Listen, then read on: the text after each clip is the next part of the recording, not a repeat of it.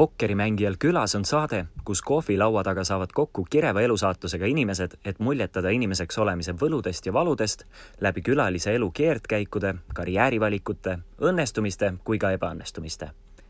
nelja silma vestluses on reegleid vaid üks. bluffida ei tohi ja räägime nii ausalt, kui oskame saate toob teieni meelelahutusportaal Vinn.ee. tere tulemast, kallid vaatajad.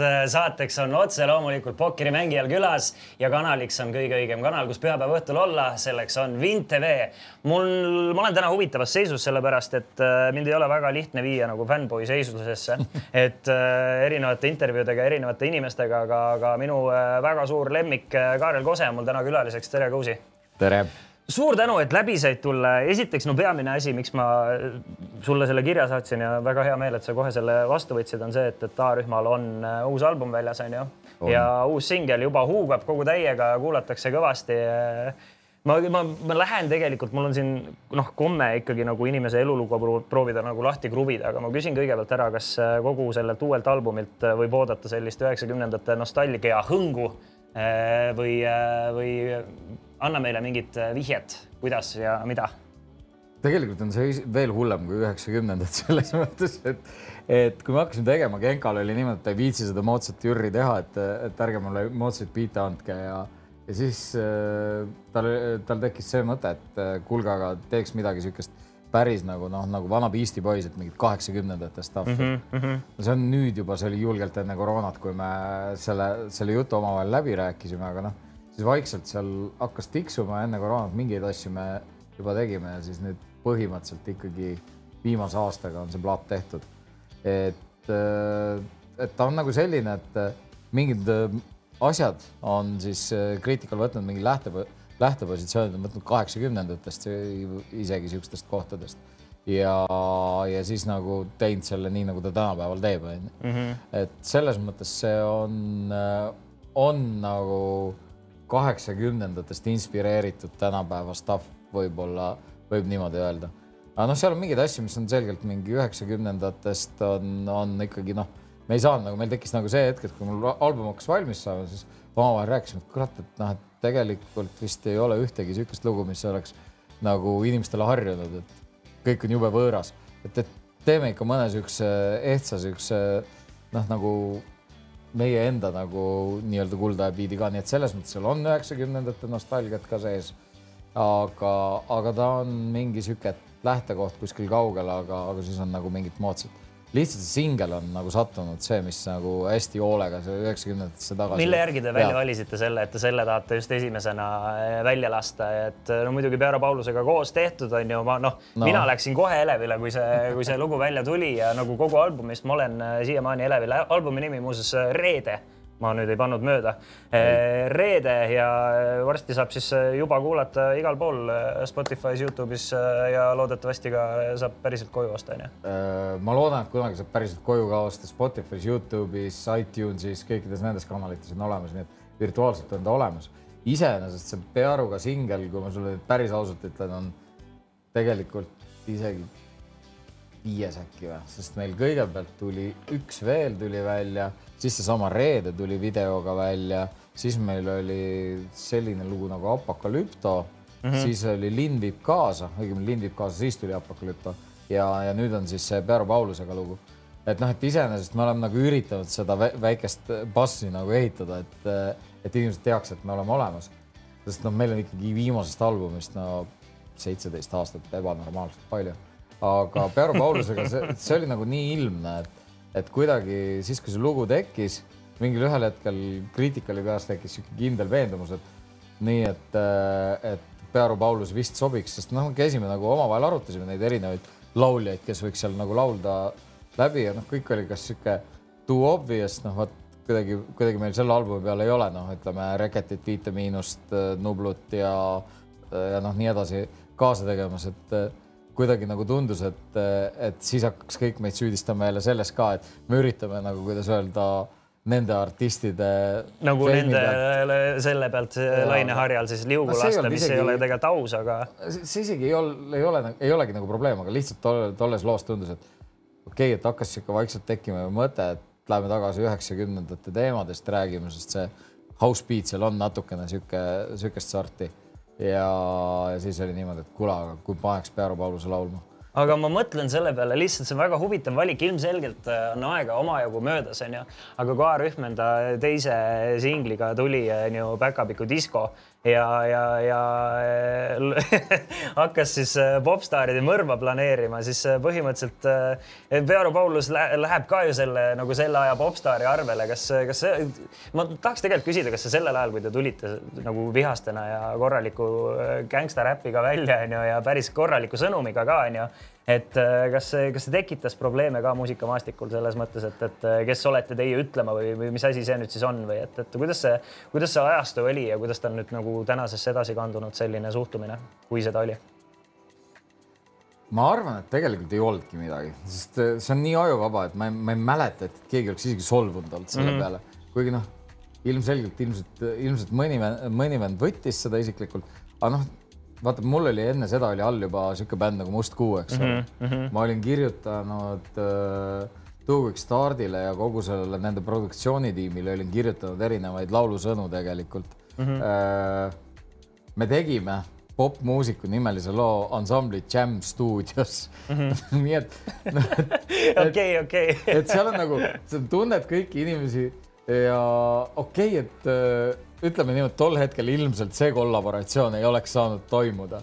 lihtsalt, see ei oleks võimalik olnud, aga, aga samas, et, et noh, pigem me vihkasime seda kuradi mentaliteeti, mis seal äh, siukse noh, tol ajal see kõige halvem üheksakümnendate noh, trääs või noh, trääs on hea muusika, saast, mis sealt tuli, onju. Mhm. et äh, noh, seal oli no igast Äh, neid albumeid, mis või, või neid artiste, mis tulid Viljandist mingi Hoveri Coveri tuules, et isegi, et sellega võrreldes oli isegi Hoveri Coveri hea, vaata mm. -hmm. ja noh, see oli nagu nii õudne, et seal nagu äh, ja, ja teine pool oli see, et siis oli nagu Eesti muusikaäri superstaarid, noh, mingid nii-öelda mänedžerid, noh, kes, kes korraldasid suvetuure ja asju, noh. kuna ma, mul oli nagu neist asjadest siiralt kõrini, siis see, see lugu nagu tekkis. et noh, selles mõttes ma ei ma ei tea, kes oleks solvunud olnud, see oli äh, noh, ega loomulikult loo sõnasid, äh, kui üks-ühele võtta, siis me peaks olema juba kuradi vangis istuv, ma ei tea, kui kaua, aga no reaalsus oli lihtsalt see, et äh, see, see oli niisugune mentaalse pasa nagu kuradi paikapanemine lihtsalt meie jaoks, et ta ei olnud selline, et. konkreetselt sihik nüüd, mingile kindlale artistile. et või... nüüd hakkaks kaklema, kuigi noh mm -hmm., siin ikkagi tekkis neid, neid huvitavaid nagu kaklusi ka, aga et seda ongi nagu huvitav, et, et äh, nagu mis see noh, poleemika, kui seda saab, saab selleks kutsuda, selle uue singliga oligi ju see, et, et ometi, et kas ei ole siis äh, mingil määral nagu sihuke noh, iseenda, äh, iseendale vasturääkimine, et, et nüüd siis teete pearuga bussi, kui, kui tegelikult kogu sõnum on olnud teine, aga seda on nagu noh, õige kuulata, et, et see on pigem selline nagu noh hoopis teine sõnum, mis selle taga peitus, on ju, ja pigem. no ühest küljest teine sõnum, teisest küljest noh ega see lugu lihtsalt tuli selline välja ja nagu kuidagi, kuidagi hakkas kõlama, et, et nii oli loogiline. et noh, meil ei olnud selle albumi peal ju otseselt mingid asjad ei olnud, ei olnud, et, et selles mõttes plaanime, et nüüd teeme selle, nüüd teeme selle single loo ja sellest tuleb see asi.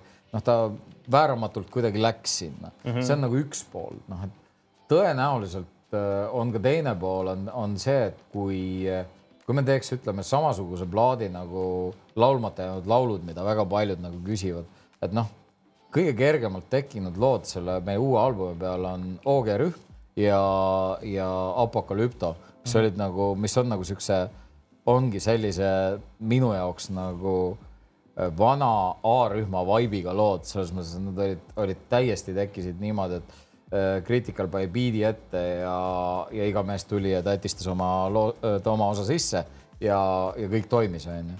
et, äh, et ühest küljest see on nagu jube tore, aga siis, kui sa lähed, vaatad Youtube'is, et kui palju on näiteks Apokalüptot, mille me singlina välja andsime, kui palju seda on vaadatud, siis noh, tegelikult tahaks ikka vahepeal kontserte ka anda. et noh, et, et, et, et seal natukene selline dilemma tekib kellelt see idee tuli äh, üle pika aja nüüd uuesti album kokku panna või kaua see mõte teil äh, mõlkus? see on nagu kõige halvem osa sellest me oleme kogu aeg teinud me oleme kogu aeg omast arust nagu niimoodi, davai, davai kutid, nüüd see aasta teeme, seitseteist aastat, davai see aasta teeme. Pole midagi välja tulnud, aga ei, nüüd lõpuks ikka, ikka sai, no meil on üksikuid lugusid vahepeal on ilmunud, noh näiteks mm -hmm. kasvõi see äh, mingi Kuku mu BMW-s, mis -hmm. võib-olla on neist kõige, kõige tuntum, aga. No see sai ikka ilgeks hitiks onju, et äh.... see korraks isegi oli jah ja., see oli ka niimoodi, et Viis Miinust äh, remix, kusjuures kõige veidram on see, et nüüd, kui no umbes aasta aega tagasi ma jälle hakkasin kuulama, siis vaata, et, et sellest loost on neli erinevat versiooni mm. -hmm. ja noh, on täiesti ametlikult erinevates kohtades, üks on remix viie miinusega ja meil on kahtede erinevate sõnadega versioon pluss veel, veel üks noh, nagu lisaversioon. see oli nagu niimoodi, et ohoh ja täiesti erinevate sõnadega. aga, aga selles mõttes, et äh, mille taha see siis jäänud on, et äh, seitseteist aastat, kas siis aega ei ole olnud või, või ei ole tulnud need äh, riimid nii head või biidid nii head, nagu oleks soovinud, et album jagu välja tuleks või, või mis see takistanud on seda? mis sa ise arvad? kõik asjad, et, et okei okay,, nüüd riimide ja biitide taha nüüd nagu selles mõttes otseselt ei ole jäänud, aga kui sa vaatad, kui palju Genka on vahepeal albumeid mm, välja andnud mm, -hmm Äh, siis tal on ilmselgelt on olnud see soolo ja need muud projektid on, on olnud seal äh, nii-öelda segav faktor, et ei ole jõudnud teha. sest see oligi põhimõtteliselt siis, kui, kui nüüd eelmine aasta me päriselt hakkasime seda tegema, siis Genka ütles, et davai, nüüd on koroona ja mul ei olegi mingit, äh, mingit plaati parajasti käsil, et davai, teeme nüüd, et nüüd on see hetk. ja, ja siis ta nagu läks. Kool D on andnud hunniku oma albumeid. seitse siiamaani peaks olema minu arust kõige viljakam Eesti äh, räppartist. võib-olla veel on, kuigi mulle tundub, et Genka juba, juba. ja, ja ise... üks neist kahest igatahes nüüdseks ja, on. siis, äh, siis äh, Criticalil tegelikult ju ta on kogu selle Eesti popmuusika produtseerinud mm. rohkem või vähem või siis miksinud, eks ole. et, et, et need Who'd ja mis iganes bändid on ka veel lisaks seal, seal olnud, noh, nüüd on, nüüd on siis Maxi Klišeerik, eks ole, mis on siis põhimõtteliselt äh, tema, tema teela kõik. et äh, seal on, ta, ta on ka nagu nii hõivatud, et, et põhimõtteliselt ongi nagu niimoodi olnud, et, äh, et lihtsalt stuudiosse kokku saada mehi on nagu väga raske, aga siis tuleb tunnistada, et Critical ise võttis selle tõsiselt ette ja, ja noh, lõpuks Äh, lõpp ja kõik head. ei no see punt, kes teil seal koos on, ilmselgelt, et äh, vahet ei ole, mis te välja annate ja alati te annate head, see on sellepärast, et lihtsalt see legendaarne äh, nelik siis ütleme praegu äh, nagu noh, sealt ei saa lihtsalt midagi halba tulla, ma arvan, et teil on en, en, enese kohta juba lihtsalt nii suured ootused ja, ja nagu ja kui ei tule midagi suurepärast, siis ilmselt ka välja seda ei lasta. aga ühesõnaga, ma olen väga elevil, kavatsen kuulata kakskümmend neli seitse nüüd kõik lood ära ja pähe kulutada endale aga eh, enne kui me läheme nüüd täiesti nulli, ma alustan sinuga kohe põhimõtteliselt sünnist surmani, noh, surmani veel mitte, aga sünnist praeguse hetkeni üritame ära rääkida. ma tahan meie vaatajatele rääkida, mida nemad teha saavad. tegelikult meil on ju ka teile pakkuda turniir, ma panin taustal käima üksteist dollarit Optibetis, Optibet on lisanud saja üheksa taalase pileti võitjale ning lisaks äh, saate sellest liiga punkte, kes liiga kinni paneb, saab endale kahe tuhande eurose paketi, reisipaketi. teine koht saab viissada dollarit ja kõrvaklapid või teleka ja ühesõnaga igav, igavene hunnik asju on meil teile ära pakkuda. tasub liigat mängida täna kell üheksateist null null algas esimene ja kakskümmend kolmkümmend algab teine. kui te olete ära registreerinud, tehke sellest pilti, laadige üles win.ee kaldkriips äriklass ja olete äriklassi ratta peal. täna loosin umbes kahe soti eest teile pileteid välja ja viimase asjana, kui teil on mingisuguseid küsimusi, siis twitch.tv kaldkriips Vinteve live on see koht, eh, kus te saate küsida kas Kaarlilt eh, ja ma üritan talle need siis ka edastada. meil on nelikümmend viis sekundit delay'd ehk siis äh, olge veidike kannatlikud, aga ma hoian silma peal ka chatil siin on juba kaks, kaks vaataja küsimust, ma edastan sulle kiirelt ära, enne kui me lähme teema juurde edasi ja need on klassikalised vaataja küsimused. mul vaataja Pervatu Rända tahab teada, kas sul on mingisugune suhe diskoelfiga ja kui on siis kui hea see suhe on? väga hea ei ole, ma olen mänginud jah, et, et ta on täpselt selline, et, et ma tean, et ta võiks olla jumala korralik suhe, aga mm, -hmm. aga noh, aega ei ole kõige tegemiseks, et mul on veidi teised spordialad ja, ja, ja mingisugused hobid, millega ma tegelen. aa, selle, selle teema pealt sa tulidki otse, sa tulid äh, Pantrite mängult, kus sa, kus sa oled announcer ja lased muusikat ja räägi natuke sellest, kuidas su elu sind äh, jäähoki juurde üldse viis ja ja on see su suurim spordialane kirg praegu? spordialaselt, no enam-vähem no.. kuigi ma jah, see on see, see ala, mida ma hetkel harrastan, kuigi mul on täpselt samamoodi mulle ikkagi väga meeldib äh, taiboks ta,, tavaboks. täna öösel ei saanud ka magada, pidin, pidin teada saama, et kuidas, kuidas siis noh, ütleme siis niimoodi, üritasin, üritasin leida kohta, kust ma saaks live stream'ina va vaadata Canelo ja Charlo seda ma matši, aga noh, ei, ei, ei õnnestunud. tasuta on keeruline leida, onju. jep, aga isegi tasulisena nagu siin on nagu piirkond on nagu nii loll, aga ei noh, selles mõttes jah okay,, hoki on, on küll see, et mida ma praegu aktiivselt harrastan ise mm. -hmm. Äh, aga see saigi kuidagi niimoodi alguse, et, et mul oli esimene laps ja see oli nagu selline, et, et see oli jube aktiivne, jooksis mööda seina üles, siis ma olin niimoodi viiks kuugitrenni mm. -hmm. onu vana hokimängijana ütles, et noh, et, nii noori poisse, et uh, hokisse võib küll minna, onju. Mhm. viisin poisi trenni, sealt kõrvalt siis uh, legendaarne hokimängija Olle Sildre oli niimoodi, et oot-oot-oot, Kose, et sa mängid ju mussi, et tule mängi meil pantrite mängudel mussi. no nüüd ma olen seda teinud, noh, pakun, et mingisugune viisteist aastat ma.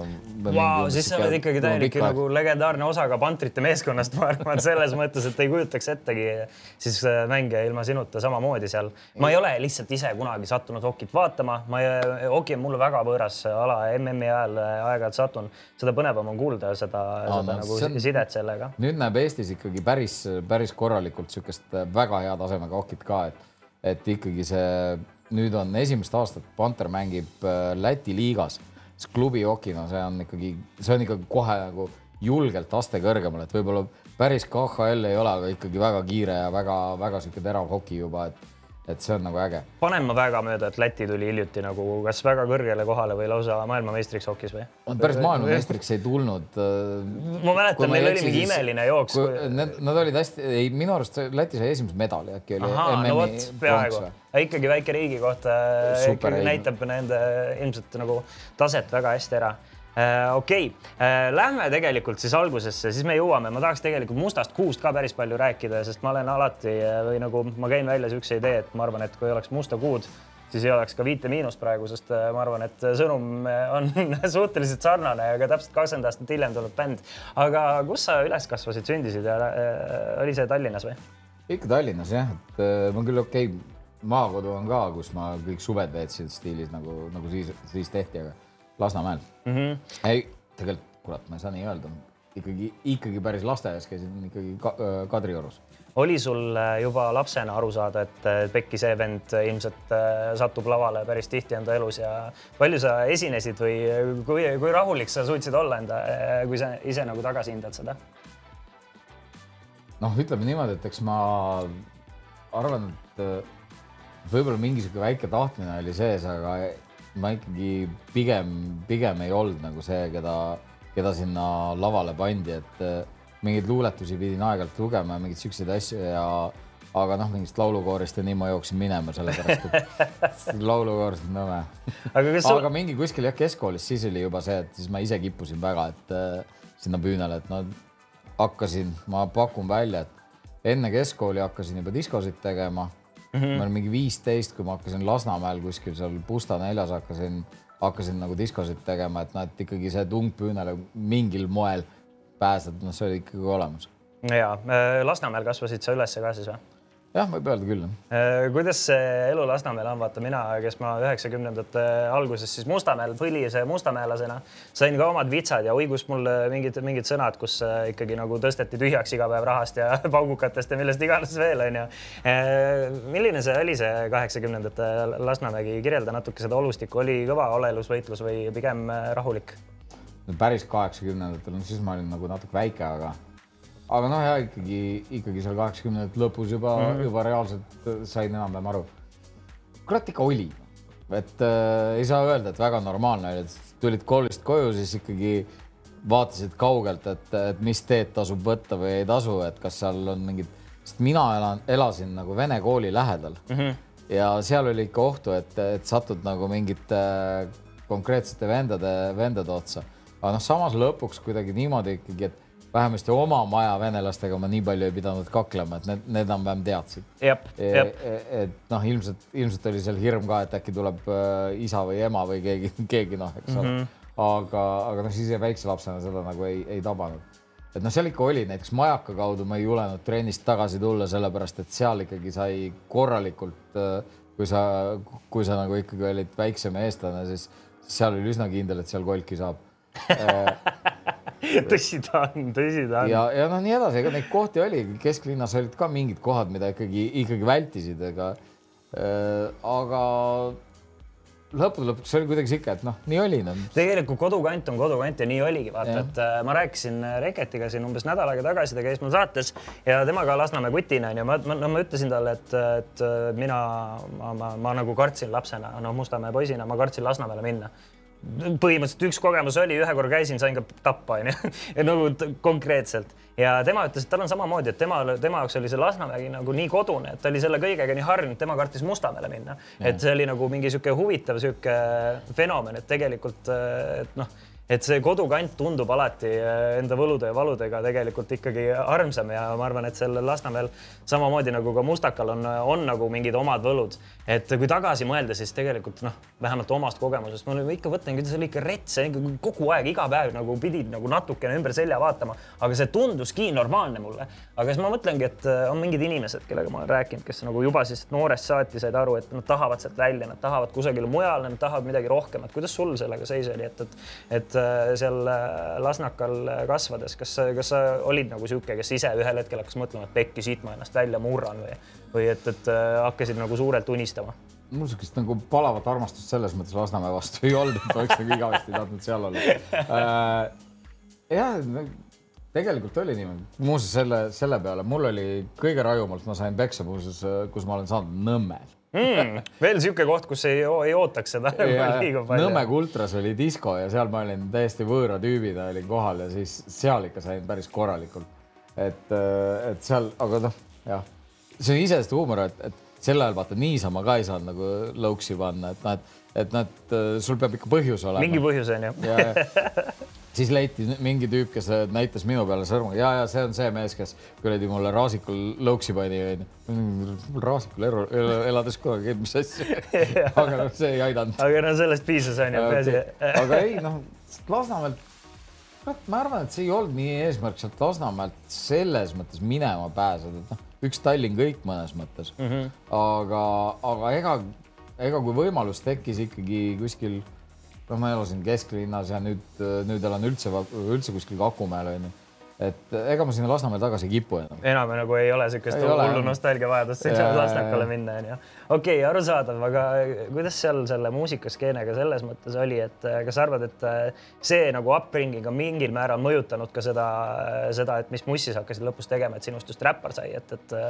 ühest küljest küll jah, et seal oli kaks põhjust, miks ma, miks ma seda tegin, esiteks oli nagu see, et ma ise hakkasin nagu, mul nagu hästi täpselt teada, ma kuulasin no põhimõtteliselt mul on mingi pungiperiood, mingi äh, metalliperiood olnud, noh, mingit äh, noh, isegi mingi, mingi, mingil määral indit äh,, siis noh, house'i kuulanud, aga et hip-hopi kuskil ta umbes täpselt aastast üheksakümmend üks olen kogu aeg hip-hopi kuulanud mm. -hmm. et noh, see on olnud nagu mulle see number üks muss ja see oli nagu konkreetselt üks fakt, miks ta nagu nii loogiliselt tuli teine on muidugi see, et, äh, et noh, et kuna ei osanud midagi teha, mingit muusikalist haridust või midagi ei ole, siis see on ka kõige lihtsam variant, et sul on vaja lihtsalt oma, oma sõnad, oma flow ja sõidame vaata, ma olin sellel ajal äh, nagu nii pisikene, et, et selliseid asju ma üldse ei adunud, kui sa hakkasid juba hip-hopi kuulama, siis ma lihtsalt mõtlengi, et vaata, praegu on nagu hea lihtne, et sa paned Youtube'ist äh,, Spotify'st, kus iganes, iTunesis sa saad kuulata ükskõik, mida sa tahad, ükskõik kust maailma nurgast, mis stiili, kõik on saadaval, aga kus sa, kus sa nagu ligi pääsesid sellele muusikale, mida sa kuulama hakkasid? et äh,. ega ta, ega ta oligi niimoodi, et äh.... palju seda levis üldse? noh, ega ta nii vabalt ei levinud ja siin oli nagu vaata teine, et kui mingi rokiskeenes olid ikkagi inimesed tundsid üksteist siis sihukest skeene nagu ei eksisteerinud nagu mm -hmm. hip-hopi skeene. et äh, ma kuulasin raadiost äh,, salvestasin raadiost nii palju, kui sain äh,. noh, Soome raadiost, kuna ma ikkagi olen Tallinnast, vaata siis Soome raadio, siis tulid juba MTV ja siuksed asjad peale, Yo MTV Raps, kõik need asjad ja, ja sealt ta läks, et, et iseenesest minu jaoks on jah, kogu aeg olnud see see musa on olnud ikkagi kuidagi niimoodi, et ma ei ole mingeid artiste näinud, mitte midagi, põhimõtteliselt ikkagi raadiost kuulanud, mis, mis värgid on aga sa hakkasid siis äh, tegema ise mussi, diskosid korraldama põhimõtteliselt ja muusikat mängima. kaua sellest perioodist läks selleni, kuni tuli Musta Kuu projekt? ja kuidas see algas üldse, ma mind see origin. ikka mõned aastad selles mõttes, et noh, reaalselt, kui ma ütleme, diskosid tegin seal keskkooli ajal hakkasin tegema, onju.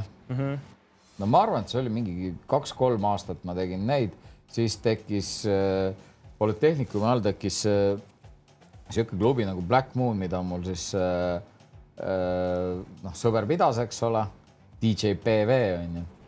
ja, ja seal me käisime, seal oli noh, tolle aja kohta, no ma ei ütle, ütleme, et päris, päris sihuke korralik house ja UG-skeene oli ka Tallinnas ikkagi tegelikult vaikselt ikkagi pulbitses, ütleme seal malemajas, mis Raul Saaremets ja Aivar Tõnso need korraldasid, aga ikkagi võrreldes tolle tavalise diskovärgiga, mida muuseas ise käisin mängimas, äh, siis ikkagi seal Black Moonis oli ikka väga-väga moodne muss, sihuke noh, Briti breakbeat'id, asjad olid ikkagi kõik, kannatas juba mängida natukene mm. -hmm. siis äh, seal nagu kuidagi mingi seltskonnaga, kes seal rohkem tantsis, eks ole, nautis seda värki, sellest nagu see mustkuu tekkiski.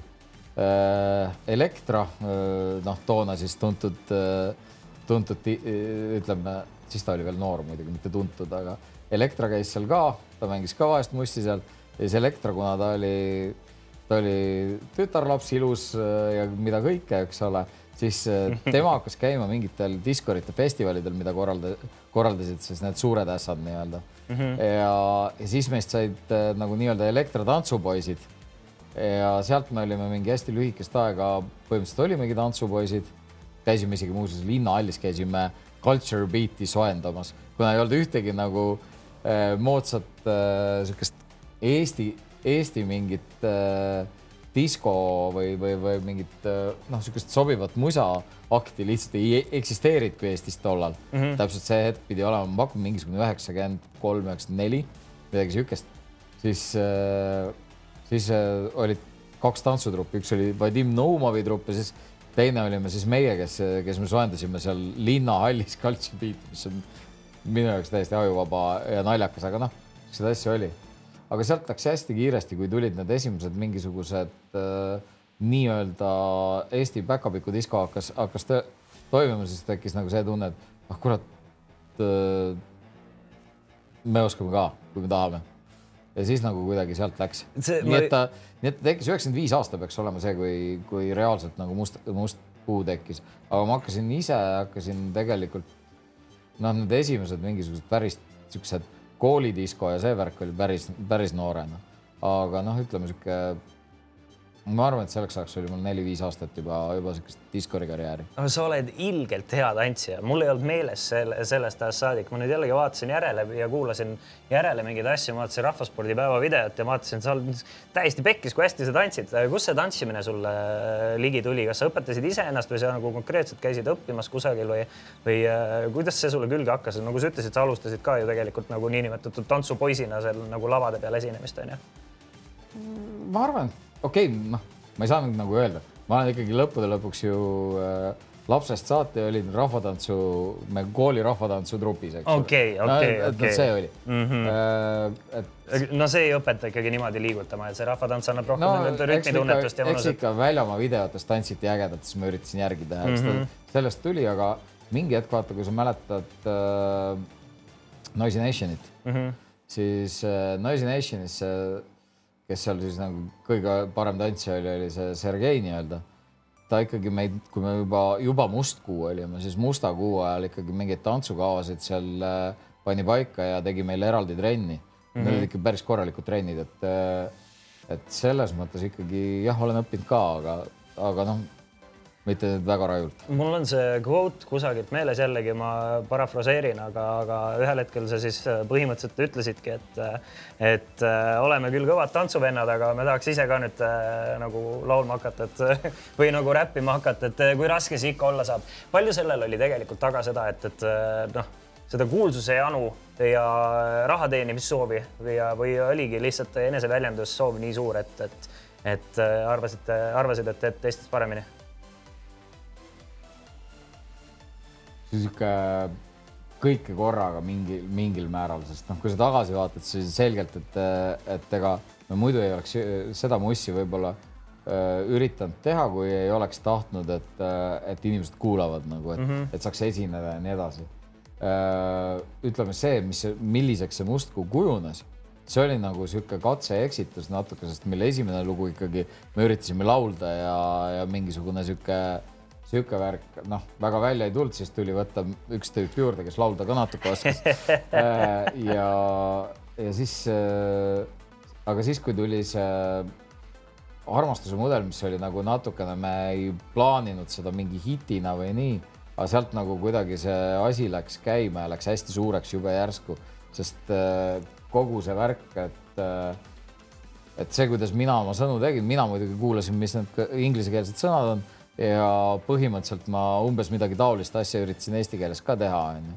aga see oli tol hetkel oli Eesti nii-öelda äh, ilusate sõnade ja luuletuste traditsiooni kõrval oli see nagu mingi nii hardcore, et noh, sel ajal minu jaoks oli, ma mängisin diskodel mossi, ma mängisin seda, mis mulle endale kõige rohkem meeldis, oligi mingi teatud tüü, tüüpi sihuke house, mida siis vahepeal see no mida isegi nimetati pornohouse'iks, noh mm -hmm., sellepärast et seal oli ikkagi päris sihuke, sihuke sündsusetu sõnum, ütleme nii mm. -hmm. Twenty Fingersid ja, ja Outer Brothersid ja, ja kogu see Erik Morillo teema ja, ja noh, see nagu tol hetkel mulle, mulle nagu meeldis. et noh, kuidagi nagu tekkis ise ja, ja see, et me olime lihtsalt poisid, kes tantsisid ka sealjuures, siis see oli nagu kombinatsioon, mis toimis.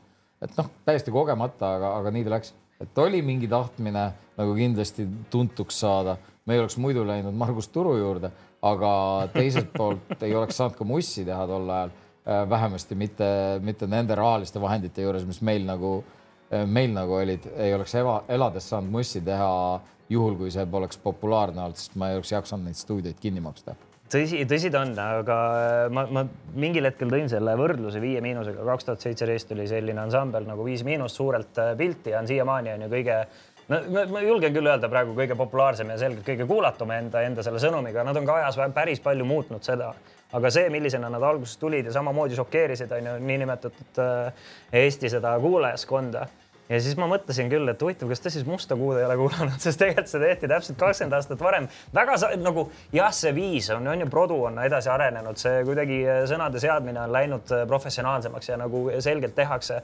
tehakse, tehakse nagu teistmoodi, aga tegelikult see on nagu suhteliselt sarnane sellele, et ma arvan, ma arvan, et see on nagu noh see ongi nagu upgrade mustkuust edasi, mis Viis Miinus praegu teeb, et äh, vähemalt see, mis ta, millega nad välja tulid esialgu. Ja mingil no ja see meeldib inimestele tegelikult ju. Tegelikult on see, see jääb kohe kõrva, see jääb kohe meelde, sellepärast et ta on nii erinev, on ju sellest äh, päkapiku diskost, siis. Kutsume seda niimoodi. Äh, kas sellel ajal, kui te seda tegid, tegema hakkasite ja esimesed hitid juba nagu tulid välja ja said nagu populaarseks, et mm. kõik laulsid kaasa ja olite seitsmes vapras ja nii edasi, siis äh, kas te sellel hetkel saite kohe aru, et äkki see, see jääbki nagu legendaarseks ja et äh, kaks tuhat kakskümmend kolm on äh, kuskil suvel mingi äh, grillipidu ja ikka musta kuud lastakse mõnusasti õlle kõrvale? ei olnud, ei olnud, ei olnud, ei olnud, me okei okay,, nautisime täiega nii kaua, kui, kui seda oli, aga vaata, sealgi oli see, et ühel hetkel nagu, nagu oli vaja ikkagi midagi uut peale ja nii edasi, et, et see oli nagu, pigem oli see, et ah, see on läinud lumi musta kuus, kuusse puutub, siis jah, nagu kuidagi meil oli sihuke hästi kiire põlemine, sest põhimõtteliselt üheksakümmend viis alustasime, üheksakümmend seitse enam ei olnud midagi praktiliselt. üheksakümmend seitse veel viimased kontserdid ja siis üheksakümmend kaheksa oli juba A-rühm minu jaoks. et tegelikult oli hästi kiire põlemine, et, et ja, ja noh, mis puutub sellesse paralleeli vii, Viie Miinusega, siis ega see paralleel on mul endal ka on nagu kuidas öelda tuntav olnud, ehk siis ma siin pean viie miin-, viis miinust on teinud äh, täpselt neid asju, mida oleks pidanud Mustkuu tegema, et kogu see noh, kiire kuulsus, me olime, me olime sel hetkel hästi noored, omavahelised suhted persse, noh, nemad on ikkagi suutnud neist mingitest karidest nagu mingil määral eemale hoida ja on suutnud nagu kapitaliseerida selle, mida, mida me nagu Mustakuuga ealgi, iial ei suutnud, noh. Okei okay,, seal oli teine värk ka, et noh, elu põletamine oli ikkagi nii kuradi hardcore sihuke, et ja seda ka, pluss kui sa oled ikkagi milleski teerajaja, siis paraku sa pead jätma teistele enda vigadest midagi õppida, vaata. et äh, lõppkokkuvõttes, kui sul ei ole nagu noh, kodumaal sellist asja ette, rada ette tallutud, siis äh, tihtipeale sa pead nagu tegema otsuseid äh, mitte kellegi teiste äh, tehtud vigade pealt, vaid ise need läbi käima, onju. eks ta nii läheb.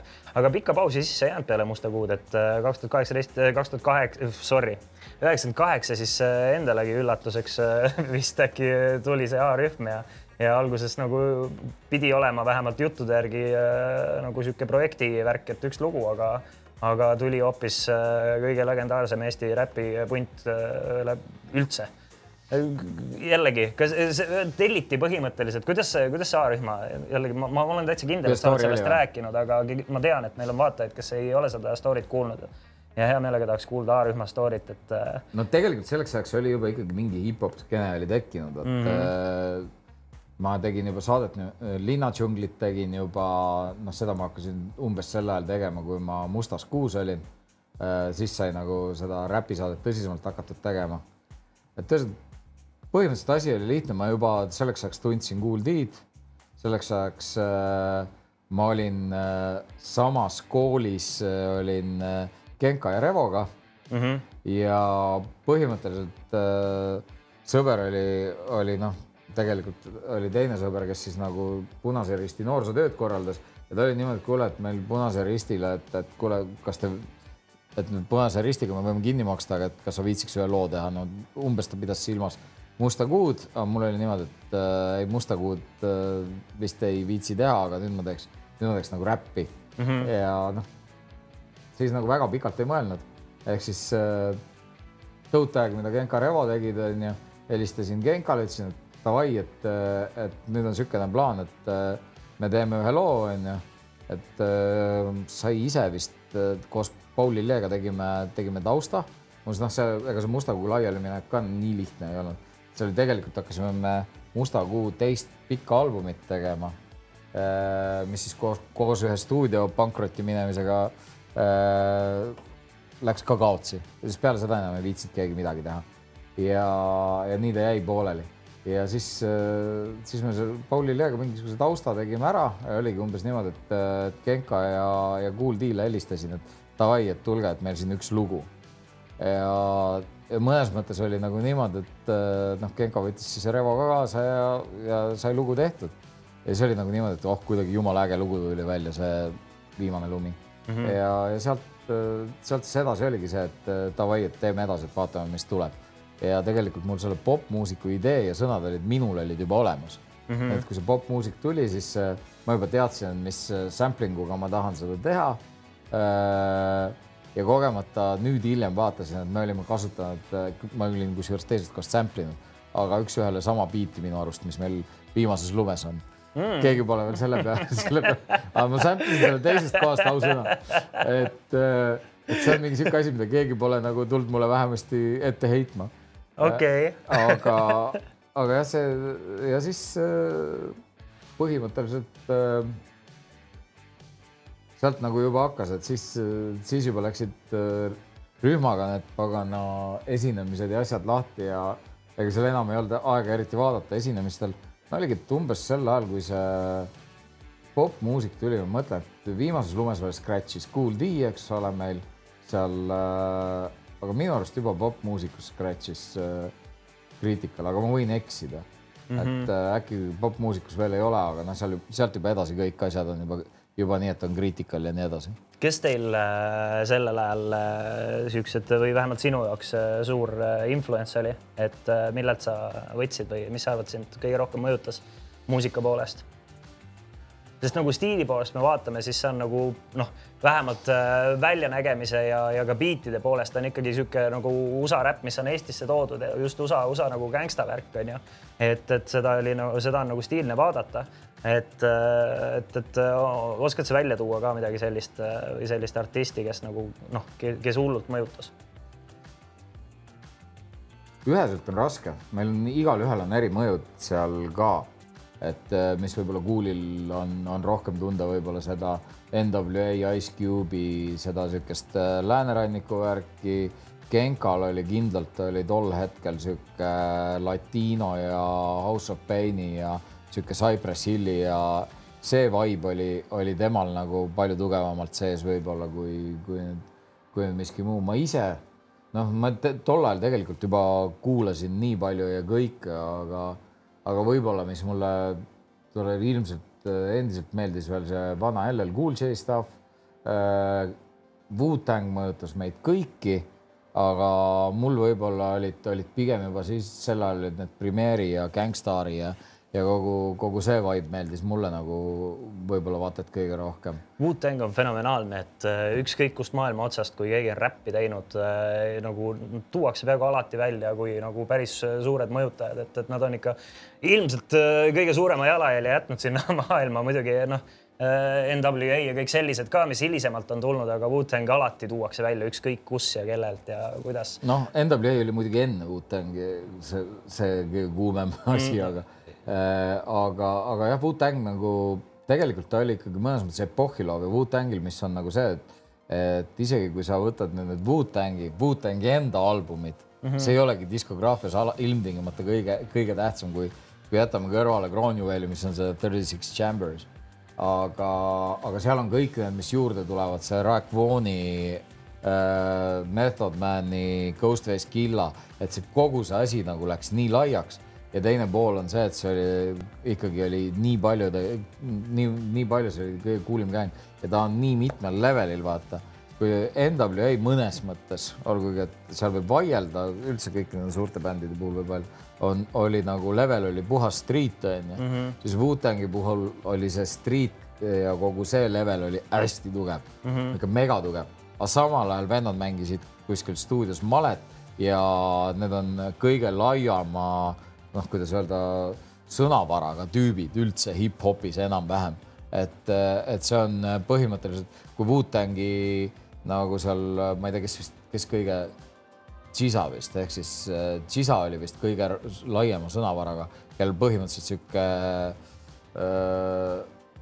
noh, ma ei tea, sõnavara, sõnavara sihuke, et noh, tavaliselt laia sõnavara koha pealt tuuakse Shakespeare näiteks, et Gisal on umbes sama, sama lai sõnavara väidetavalt et mm -hmm. mingid äh, uuringud on tehtud, et tal on nagu seda, seda levelit on lihtsalt nii palju neid erinevaid, et võib-olla sellepärast ta oli nii võimas, aga ta oli nagu epohhiloov, sest äh, tegelikult oli niimoodi, et kui Wu-Tang tuli, siis oli korraks oli nagu läänerannik oli kõige kese, no siis olid juba Dre Chronic oli ilmunud äh,, Snoop Dogi Dogi Style oli ilmunud mõlemad ja ka ikkagi väga super albumid, aga see Wu-Tang kuidagi oli oli nii nagu roo ja nii kuradi, et ta mõjutas selles mõttes väga palju. Neid, kes muusikast hoolisid, neid mõjutas megalt mm. -hmm. aa, kurat, ma unustasin oma lemmikbändi üldse ära. Public Enemy, aga mul ilmaasjata ei ole igal pool Public Enemy.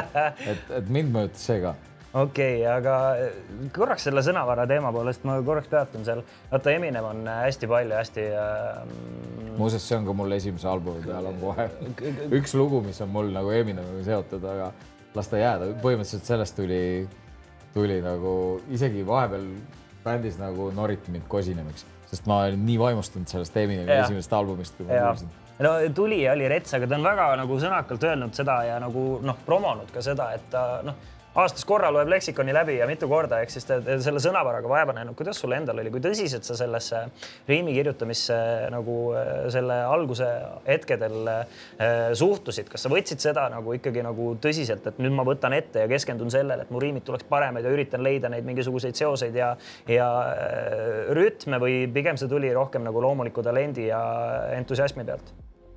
ma arvan, et algus, päris algus oli ikkagi puhas entukas, et üritasid nagu leiutada ja siis aga minu jaoks on võib-olla pigem olnud kogu aeg mingisugune väikene, no see ei ole nagu halvas mõttes, vaid niisugune võistlusmoment, et kuulad näiteks noh, kes siis esimene Eesti räppar, Kool D, eks ole mm, -hmm. kuulad tema tekste siis ei kurat, ma pean, ma pean ikkagi veist ise ka paremini. tegema, pean, pean veits paremini.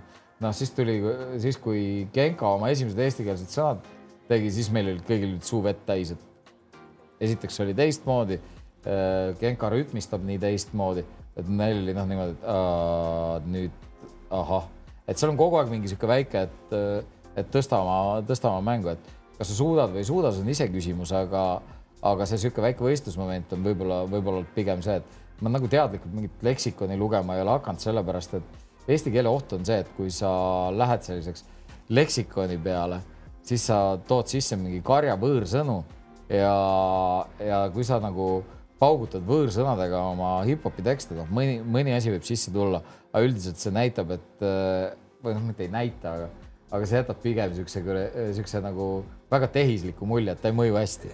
pluss kuidagi ju peab ju publikuga ka samastuma ja kui sa hakkad seal äh, nagu liiga palju, see, see on põhimure, et, et kui liiga palju hakata flex ima enda, enda oskustega teha midagi, siis see tekst võib võõraks jääda ja see võib, see ei või nagu noh seda ei võeta omaks, vähemalt minu, minu kogemusel äh, võib nii juhtuda. ma tunnen ennast päris palju selles vähemalt ära, mis sa ütlesid, et see, see võistlusmoment on, meil tuleb siin nüüd järgmine aasta nagu samamoodi niisugune projektikas välja, onju. ja kaks aastat oleme umbes kirjutanud lugusid ja oi, ma arvan, et see oleks pidanud juba eelmine aasta kõik, kogu see projekt hakkama. aga puhtalt sellepärast, et kui keegi tuleb mingi ilgelt hea asjaga välja, ma panen, ma panen pausile enne, kui ma ei ole nagu vähemalt tundnud, et, et ma olen on par sellega, mis sealt praegu välja tuleb Äh, esinemistest tahaks ka rääkida, just A-rühmaga esinemistest. Äh, sa ütlesid vahepeal äh, kusagil, jällegi sa võid täpsustada, kus ja miks, et kunagi oli hea esinemine siis, kui peale seda ostsid kolm korterit ja kaks autot. kas see, see, Ai, see, see on utreerimine? see on lihtsalt utreeritud noh, mingi hetk loomulikult oli, oli nagu niimoodi, et kinnisvara oli võib-olla üheksakümnendate lõpus isegi oli, oli odavam keskmiselt nagu mm. kättesaadavam mm. mõnes mõttes. Need, kes omale kunagi mingi, ma ei tea, kahekümne tuhande krooniga korterid ostsid, need inimesed eksisteerivad, et et noh, see. no need jutud ei ole niisama ju, kuidas minnakse baari ja siis õlle eest äh, mõned korterid ära antakse või nii edasi, et ilmselgelt aga... need on ulme, ulme veits, aga. noh, reaalselt ikkagi meil ikkagi A-rühmaga, ma arvan, pole kunagi nagu mingit ulmeraha teeninud sellega, aga mis puudutab neisse esinemistesse, siis ma arvan, meil on A-rühmaga ikka päris hea energia olnud, siis siiamaani on, et, et kuidagi on, esiteks on mingid omad nagu need äh, äh, siuksed äh, rutiinid ka välja kujunenud, aga, aga kuidagi on nagu niimoodi, et igaüks panustab natukene juurde ja tegelikult me oleme pigem niisugune kõvasti energiat lava pealt pauku, paugutav bänd, kui, kui siin võib-olla vägi, väga sihuke hingestatud ja mõtestatud, et et noh, muusika on erinev ja noh, hip-hopi puhul on, on, on kõik variatsioonid tegelikult olemas, aga mul on niisugune tunne, et me ikkagi A-rühmaga neid laive alati hea anda, kasvõi ainult sellepärast, et et see keemia, mis seal lava peal neljakesi on, see on juba, juba päris äge. on sul meeles ka mingisugune esimene kord, kui, kui te andsite kas siis Musta Kuuga või A-rühmaga emba-kumba andsite mingisuguse kontserti ja sul oli mingi šokkmoment, et what, rahvas puupüsti täis, kõik laulavad kaasa. on, on sul seda momenti või see on nagu äh...? Neid on tegelikult on, on mõlema bändiga olnud.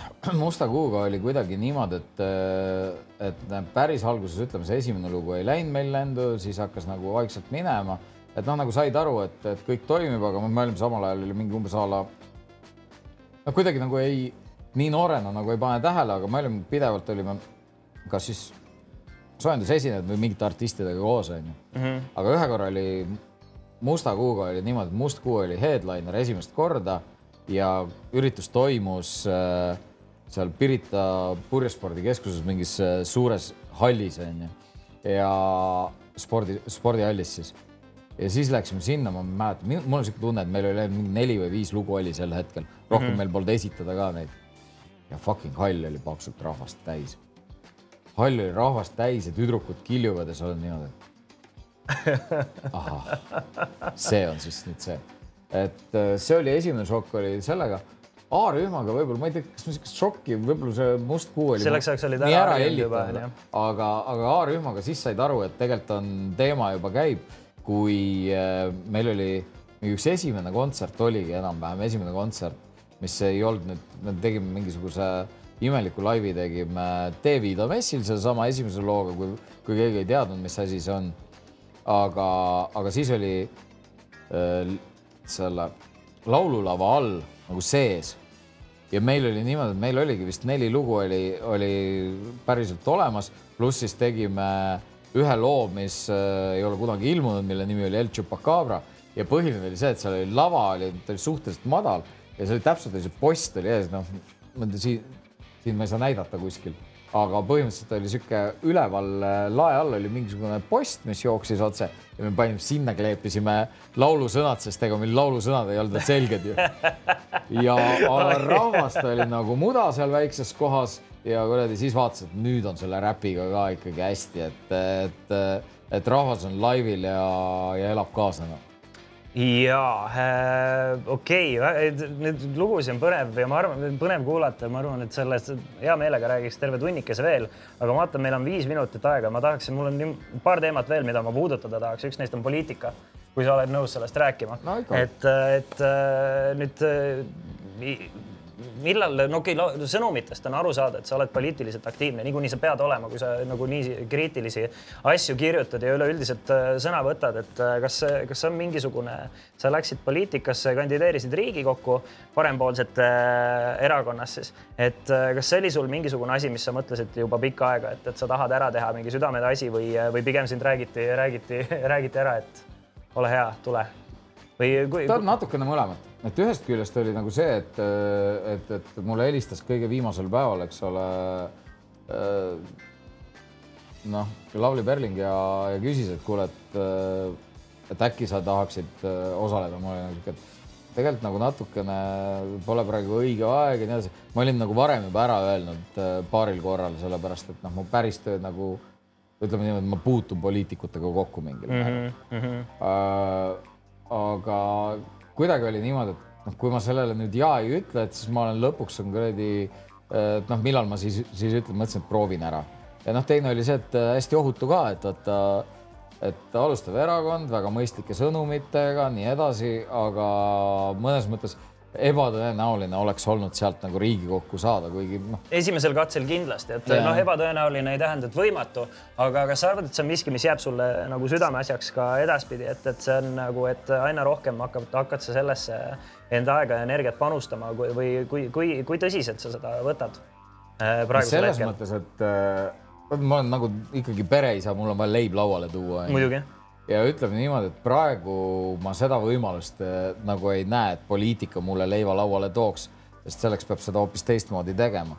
teisest küljest ma olen kindlasti aktiivne ja kindlasti tahaks nagu väga kaasa öelda, sest äh, tegelikult on nagu kõige hullem on see, et need on nüüd nüüdseks juba minuvanused tüübid, kes ajavad täiesti suvalist hülge ila, siuksed tigedad vanamehed onju. et äh, mul on nagu see, et kuulge, sorry vennad, et, et noh, et me tegelikult ehitame tulevikule ja, ja ma ikkagi hoolin sellest riigist. et, et selles mõttes äh, jah, ma võtan tõsiselt, kindlasti ma kavatsen öelda, kindlasti mingil määral ikkagi nende valimiste ajal seda platvormi on, aga seal on hästi palju sihukest, äh, sihukest tööd, mida ma mõnes mõttes ei viitsi teha. vaata just see, et lähed, äh, lähed poodi, jagad flaierit, räägid inimestega, muuseas, see ei ole nii hirmus, kui ta tundub mm, -hmm. sellepärast et tihti saab täiesti äh, Äh, sa leiad ikkagi inimesi, kellega rääkida ja arutada ja see mulle on alati meeldinud mm. -hmm. ma küll olen see inimene, kes nagu väga häbeneb seda, kuidas öelda, kontakti luua või nii, aga noh, see selleks. aga et noh, lõpuks, kui sa seda teed, see on okei okay,, aga mul ei ole selleks äh, nagu nii-öelda pere ja töö ja kõige muusika ja kõige kõrvalt ei ole nii palju aega, kui võiks ja peaks. ja seda asja oleks võib-olla pidanud nooremana tegema, seda nii-öelda ehitama seda nullivärki aga seal, kus vähegi võimalus on, seal ma küll jah, tahaks äh, oma sõna öelda, eks ma siin olen üritanud nügida mingite oma teemade pealt, vaata, kuna mina olen, eks ole, see vend, kes on siin rääkinud küll sellest Tallinn-Helsingi tunnelist, küll äh, Tallinna trammidest. Äh, noh, mingil määral võib öelda, et sellest TENT-i, Rail Balticu asjade, asjade. üliolulised ja päevakajalised teemad, asjad, millest tegelikult peaks ka siis, rohkem rääkima. siis ma ikka üritan tagant leida seda, seda, kuidas öelda, mingit varianti, kuidas, kuidas nendele kes poliitikas osalevad, ikkagi mõnel hetkel nagu mõistlikke mõtteid pähe panna kui palju see, no nii palju, kui mul poliitikuid siin külas on käinud, siis äh, päris tihti kõlab läbi see teema, et, äh, et poliitika muutub igavaks, et äh, selles mõttes igavaks just selle poolest, mis sa ütlesid, et jube palju peab seda networking ut tegema, et, et nagu konkreetsete asjadega tegelemine on nii väike osa sellest, kui sa just ei ole nagu valitsuses onju. et, et, et, et see nagu tohutult palju peab lihtsalt, nagu sa ütlesid, käimagi poodides ja tegelema ja selle osaga ja see lõpuks nagu tüütab ära ja see nagu tekib see nagu pettumus poliitikast nii, nimetatud, et ma küsin viimase asjana küsingi, et palju see erinenud, erinenud on see sellest, mis sa arvasid, et see kandideerimine ja poliitiliselt aktiviseerumine nagu reaalsusest on muutunud? Kahjuks natuke teadsin, kuigi ma lootsin, et äkki on mul kuidagi lihtsam, et mul on mingisugune ikkagi mingisugune, mingisugune seljatagune ja, ja saan nagu hästi lihtsalt, et, et äkki mul on see, et lähen käin nendes arvamussaadetest, arvan midagi, kõik inimesed vaatavad ja siis hääletavad minu poolt mm. -hmm. tegelikult see ei toimi niimoodi, et, et see võib-olla oli see, see pettumus, et, et noh, et ei toimi ja sul on väga raske on ka, ka nagu selgeks teha, et tegelikult ma olen jumala mõistlik mees, et et tahaks tegelikult midagi ära teha, et et, et need teemad, mis sul nagu professionaalsed poliitikud ette viskavad, et, et need tihti ongi siuksed, et väga hästi on nagu läbi mõeldud neil. kurat, kas see viib kuhugi või ei vii, on mm -hmm. nagu juba järgmine küsimus. et noh, selles mõttes nagu mul jah, natuke oli, et ma kujutasin ette, et ma saan seda platvormi rohkem, kus, kus nagu oma arvamust avaldada. et sa pead üle palju tegema ja, ja ma ei viitsi neid artikleidki kirjutada et kõik tahavad, et kirjuta, kirjuta ja noh, siingi on praegu just noh, näiteks kasvõi ma toon väikse näite, just täna mõtlesin, et tegelikult peaks kirjutama, noh, aga ei viitsi ju. et äh, ma käisin just Soomes, kuulasin Soome kliimaministri nagu juttu sellest, mis Soome on teinud seoses äh, nüüd äh, selle energeetikaga ja seoses rohepöörde ja talendiotsingutega, eks noh, talendiotsing selles mõttes, et, et kuidas targad töökohad nagu Soome saada istud ja vaatad ja mõtled, kurat, et, et noh, lihtsalt Eestis on nagu, räägid kogu aeg ja siis tulevad jälle siuksed vahvad poliitikud nagu ma ei tea, Juhan Parts, kes kõigepealt saatis meil, eks ole, energeetika sel hetkel, kui oleks pidanud investeerima nagu tehnoloogiatesse, mis praegu on kõige odavamad, ehk siis taastuvenergia on ju, selle asemel ehitas mingit Auvere jaama, okei okay,, see on ka tore, et see korraks oli, aga tegelikult me oleme nüüd maha jäänud, me oleme eksportivast äh, riigist saanud äh, riigiks, kus on energeetikaga on selles mõttes jumala perses, peame sisse ostma. Ja siis nagu järgmine hetk, kes see ikka viitsib äh, rongidega sõita, ärme ikkagi üle pinguta siin rongide ostmisega ja kuradi Tartusse ei saa normaalselt rongiga sõita, sellepärast et sa pead püsti seisma. pluss see on linnalähirong, aga tahaks nagu ikkagi kuradi istuda normaalsel istmel. aitäh, Juhan Parts.